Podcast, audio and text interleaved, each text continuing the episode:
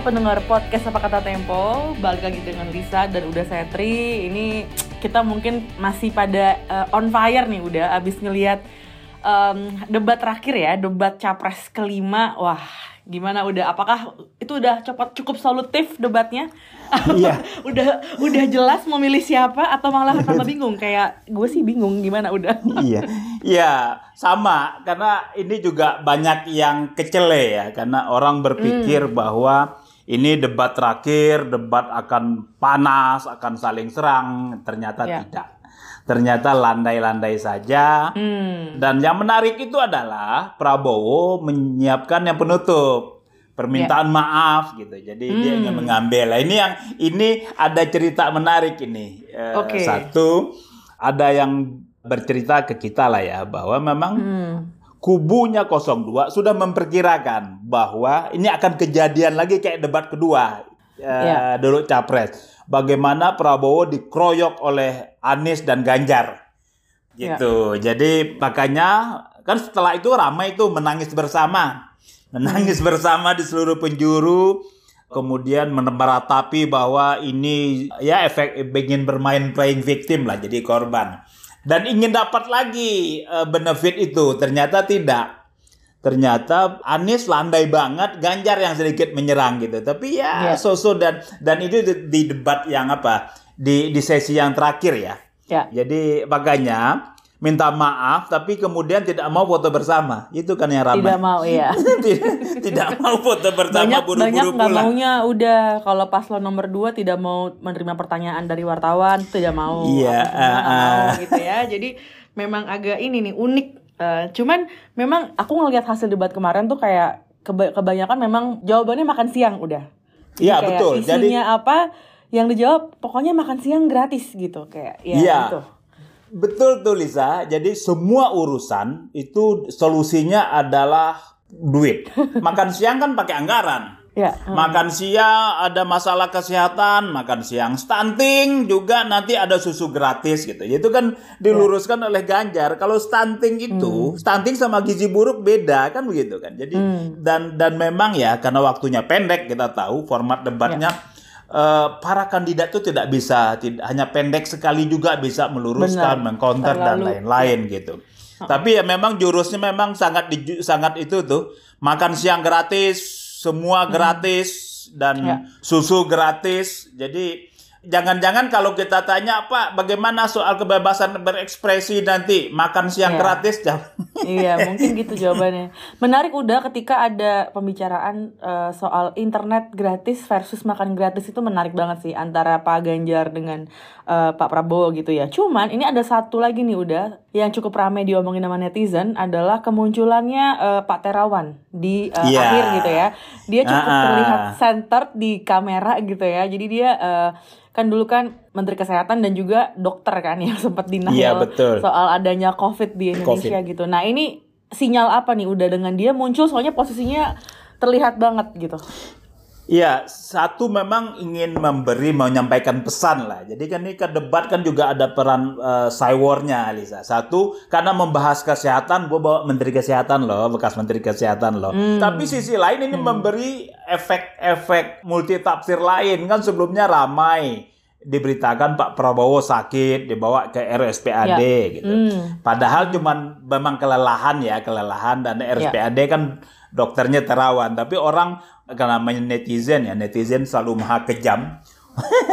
Jadi interpretasinya muncul. Jadi ketika Pak Terawan kalau saya melihat Pak Prabowo ingin sampaikan karena kita berbicara soal kesehatan, gizi buruk dan lain-lain. Nih, ada dong nih jagoan di belakang gua nih eh, mantan Menteri Kesehatan. Tapi kalau dibalik lagi, iya Pak, mantan Menteri Kesehatan yang sebelumnya tidak percaya COVID, nah, susah juga. Iya, denial. Denial. Berbahaya. Ini berbahaya. Ini repotnya ya, repotnya memang waktunya wak- format debatnya Iya. itu ya bukan debat memang ya pernyataan men- menyampaikan jadi Hmm. Iya, tidak betul. ada tidak ada ruang untuk menggali atau Betul. bertanya lebih dalam gitu Liza. Iya. Kalau ini siapa yang salah KPU lah, sudahlah dialah Betul. yang Setuju. dialah yang yang Iya. geroknya. kita soalnya kayak nge- pengen sebenarnya dari setiap pernyataan yang diberikan oleh paslon gitu ya kita kan sebenarnya pengen ditanya lagi di di probing lagi gitu ya udah sama yang Betul. orang-orang pinter yang udah terpilih untuk ngasih pertanyaan tapi itu tuh nggak terjadi di format debat kali ini jadi itu sangat mengecewakan sih menurut saya Iya, dan Gitu. dan lagi-lagi satu lagi supporter yang mengganggu, teriak-teriak, iya itu udah kayak nonton apaan sih very not elegant Betul, ya susah kita ya lebih elegan kayak konser-konser dangdut di pinggir jalan ketimbang supporter di sana. Karena karena nggak mutu gitu loh. Aduh, Iya. ini dilihat orang loh dan ini proses debat untuk mencari kepala negara presiden. Bukan Iya. kontes dangdut. Dan kontes dangdutnya lebih lebih elegan kan kontes dangdut memang ya- yang dibutuhkan kemeriahan kan. Tapi ini menjadi tidak bermutu lah itu ya para para tokoh-tokoh joget-joget nunjuk-nunjuk. Aduh, Ya, tapi ya itulah demokrasi kita, Lisa. ya Demokrasi Oke. yang ala kadarnya. teman-teman itu tadi review dikit doang ya soal kemarin debat final eh, calon presiden itu mungkin eh, ada yang sudah mulai jernih, udah mulai tahu nih tujuannya nanti pilih siapa di 14 Februari gitu. Cuman kali ini sebenarnya eh, opini yang mau dibahas di episode apa kata Tempo kali ini sebenarnya ini karena sisa-sisa jelang pemilu kita mau bahas soal eh, mundurnya menteri-menteri. Ini lagi jadi eh, topik hangat gitu ya, apalagi setelah eh, Mahfud kemarin resmi mundur gitu kan sebagai Menko Polhukam dita- digantikan oleh Tito Karnavian. Nah ini aku mau nanya ke eh, Uda dulu gitu ya teman-teman di Tempo soal Mahfud yang baru mundurnya tuh pekan lalu udah, baru mundurnya tuh baru gitu. Ini momentumnya tepat eh, atau justru sudah terlambat gitu?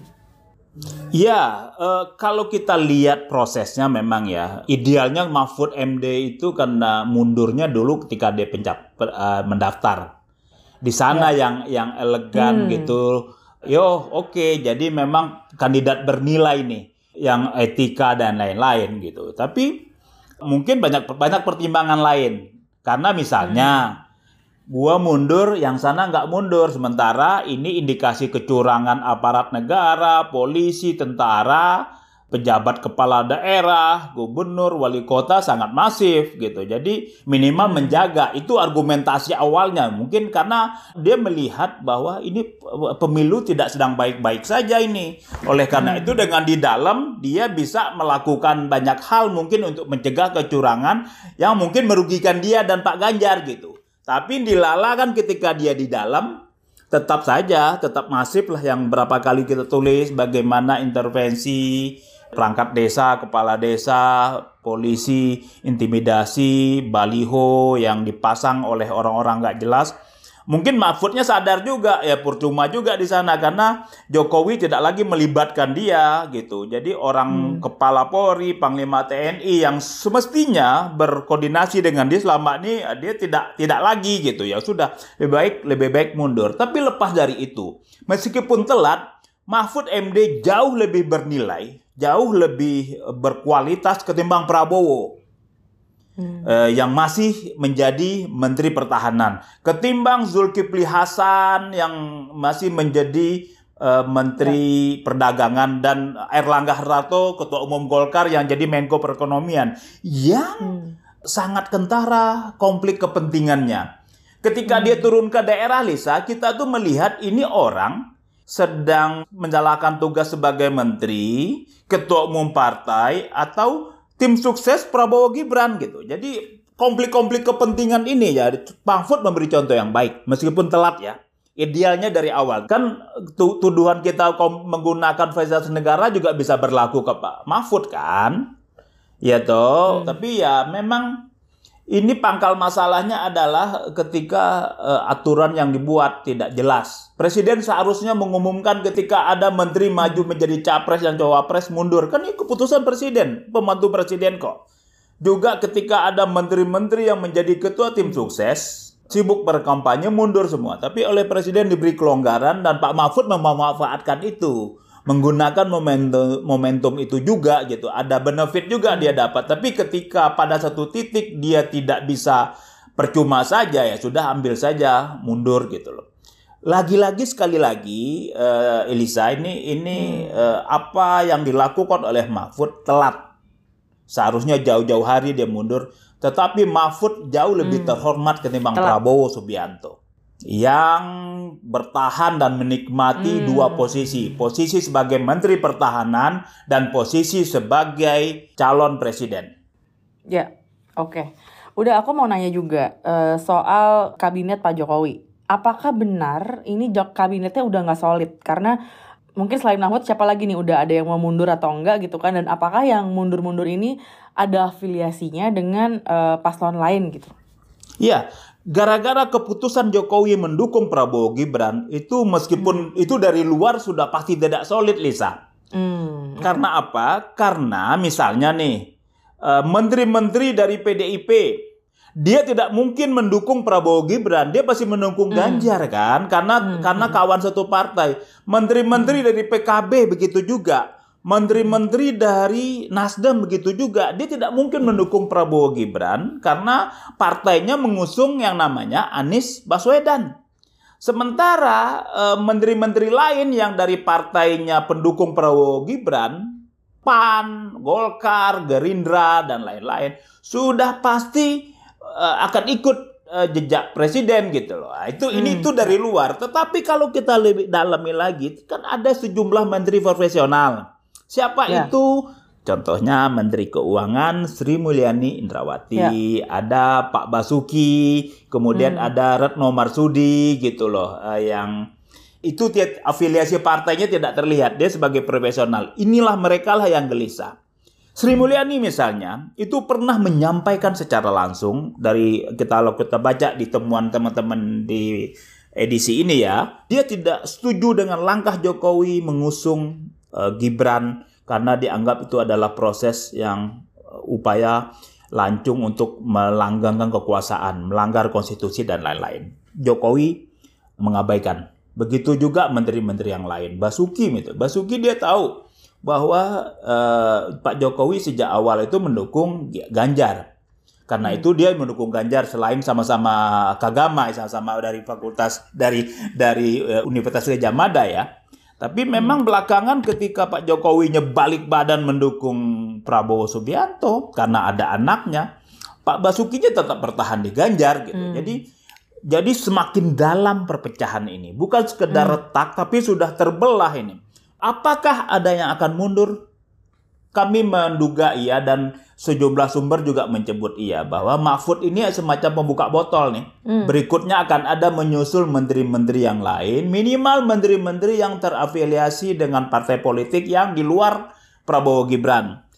Atau menteri-menteri profesional tadi, mereka tinggal menunggu waktu. Apakah nanti setelah pencoblosan tanggal 14 Februari masuk putaran kedua atau kalau ada putaran hmm. kedua atau jangan-jangan ketika ada sengketa pemilu dan lain-lain gitu. Jadi kegaduhan-kegaduhan ini ini adalah buah karya terbesar Jokowi. Hmm. Karena apa? Karena hasrat besar melanggengkan kekuasaan. Hasrat besar untuk terus ogah keluar dari istana ingin AC istana tuh enak rupanya, kemudian dia paksalah anaknya maju menjadi calon wakil presiden meskipun prosesnya sudah terbukti di Mahkamah Konstitusi itu menabrak uh, menabrak aturan dan terbukti ada pelanggaran etika berat yang dilakukan oleh ipar Jokowi Anwar Usman. Hmm, oke. Okay. Eh, udah mau nanya juga kalau misalnya presiden itu memihak calon tertentu gitu loh. Sementara ini kita punya uh, di kabinetnya ada menteri-menteri yang profesional yang tidak memihak gitu ya menurut teman-teman di Tempo apa yang harus dilakukan oleh menteri-menteri yang uh, profesional ini udah Ya, yang menteri-menteri partainya. Betul. Menteri-menteri itu eh, kalau sekarang misal mereka itu pembantu presiden, yes betul. Tapi menteri mereka itu pejabat negara. Mereka itu bekerja untuk negara. Yang menggaji menteri-menteri, seluruh menteri bukan hanya menteri yang profesional, Lisa. Itu negara, bukan Jokowi. Bukan dari kantongnya Jokowi. Ini mereka tuh menurut undang-undang filosofinya mereka tuh pejabat negara. Jadi mereka mengabdi ke negara. Jadi kalau ada penyimpangan yang dilakukan oleh kepala negara, mereka harus berdiri tegak untuk menahan itu jangan jangan berlarut gitu loh. Dan yeah. ujung-ujungnya ketika sudah tidak bisa lagi melawan dari dalam ya keluar. Hmm. Keluar buat apa lagi?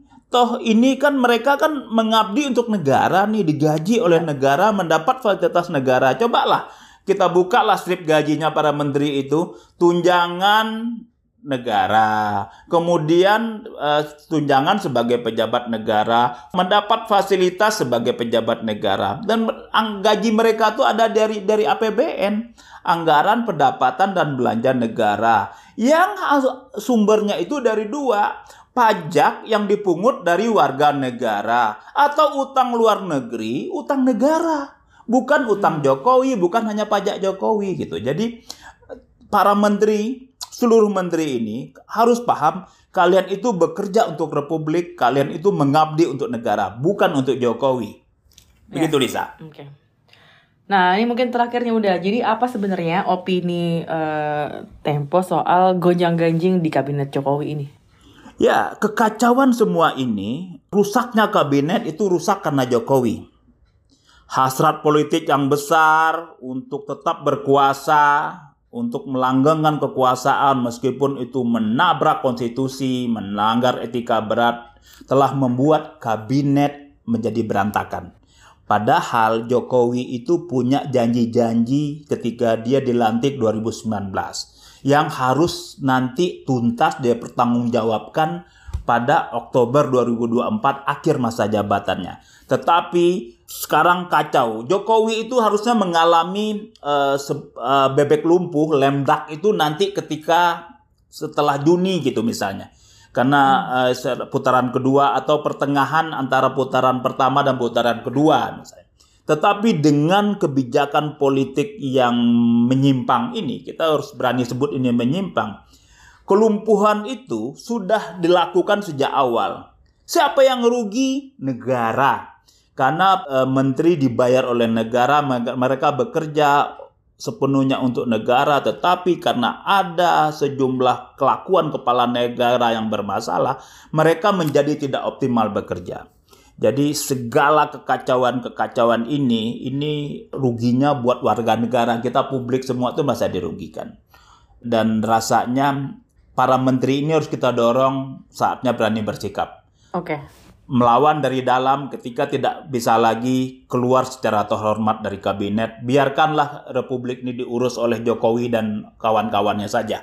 Udah ini uh, quick question doang gitu ya. Ini uh, kalau nanti banyak menteri yang mundur, apakah pemerintahan kita bakal kolaps atau mungkin uh, presiden sudah menyiapkan calon-calon cadangannya? Iya, ini juga menjadi apa? Uh, menjadi argumentasi ya para menteri-menteri yang baik, yang profesional itu bertahan. Karena kalau mereka keluar, itu ternyata sudah banyak penumpang gelap yang akan masuk. Orang yang orientasinya ya ya ini kan soal pengelolaan negara nih. Ada ya. anggaran negara dan masih ada waktu sampai Oktober gitu. Bukan hanya kolaps, kolapsnya mungkin nanti setelah Jokowi selesai gitu. Tapi sekarang mereka uh, berlomba-lomba dulu untuk membuat kacau ini keuangan negara, pembangunan negara dan lain-lain gitu. Jadi kekhawatiran itu ada Lisa. Uh, hmm. Dan inilah sebetulnya inilah yang melatar belakangi kenapa sejumlah menteri-menteri baik itu masih belum memutuskan untuk mundur karena dia tahu hmm. ini sudah sudah ada buaya yang akan ketika hmm. mundur yang akan masuk dan sudah yeah. hampir bisa dipastikan yang rugi adalah republik yang ya. mengalami kerugian besar adalah warga negara kita semua. Dan ini pertaruhan besar dan tentu sejarah akan mencatat lah ya. Proses transisi kepemimpinan presiden satu ke presiden lain paling bermasalah itu dua.